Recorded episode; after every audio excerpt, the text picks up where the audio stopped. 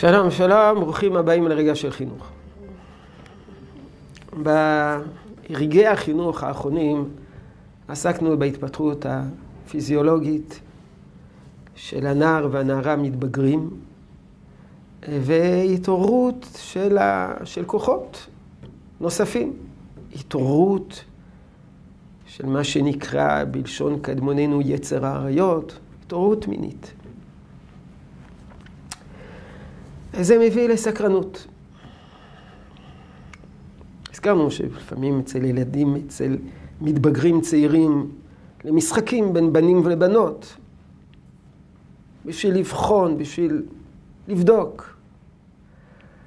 אבל זה גם עלול להביא לסקרנות מאוד מאוד מסוכנת, וזה חשיפה לאתרים בלתי צנועים באינטרנט ופורנוגרפיה.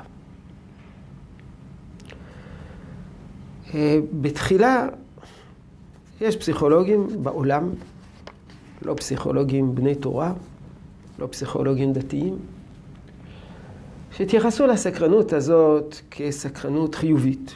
איננה שונה מכל סקרנות אחרת. טוב, אז הוא יראה קצת פורנוגרפיה. מה, מה זה, מה כבר יכול להיות?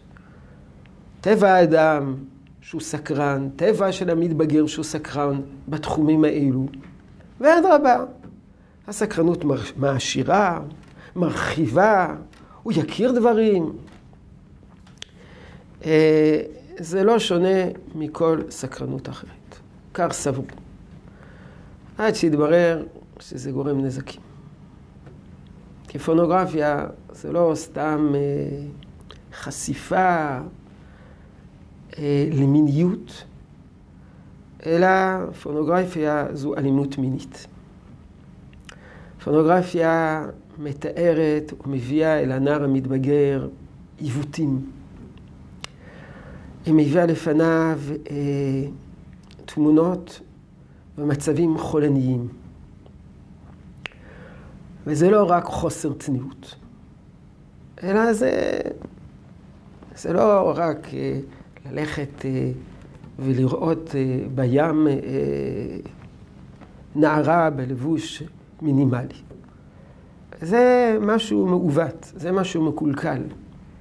המפגש, כמו שעם אדם, אדם שצופה באלימות, אלימות פיזית, מאבקים, רציחות, זה, זה, זה פוגע בנפשו, כך אותו דבר.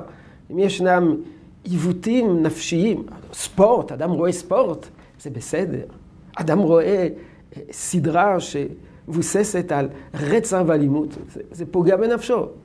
כנ"ל, לגבי פורנוגרפיה, יתברר לחוקרים שזה גורם מזיק, ובעולם כולו הבינו שצריכים לעצור את זה, צריכים להפסיק את זה, ודאי לא לעודד את זה, אלא להתנגד לזה. אחת כמה וכמה בנער, אצל נער דתי, שאצלו שנחשף לפורנוגרפיה, עבורו זה עלול להיות טראומה. ועל כך נדבר בהמשך. יהי רצון שתשרה הברכה בעבודתנו החינוכית. שלום שלום.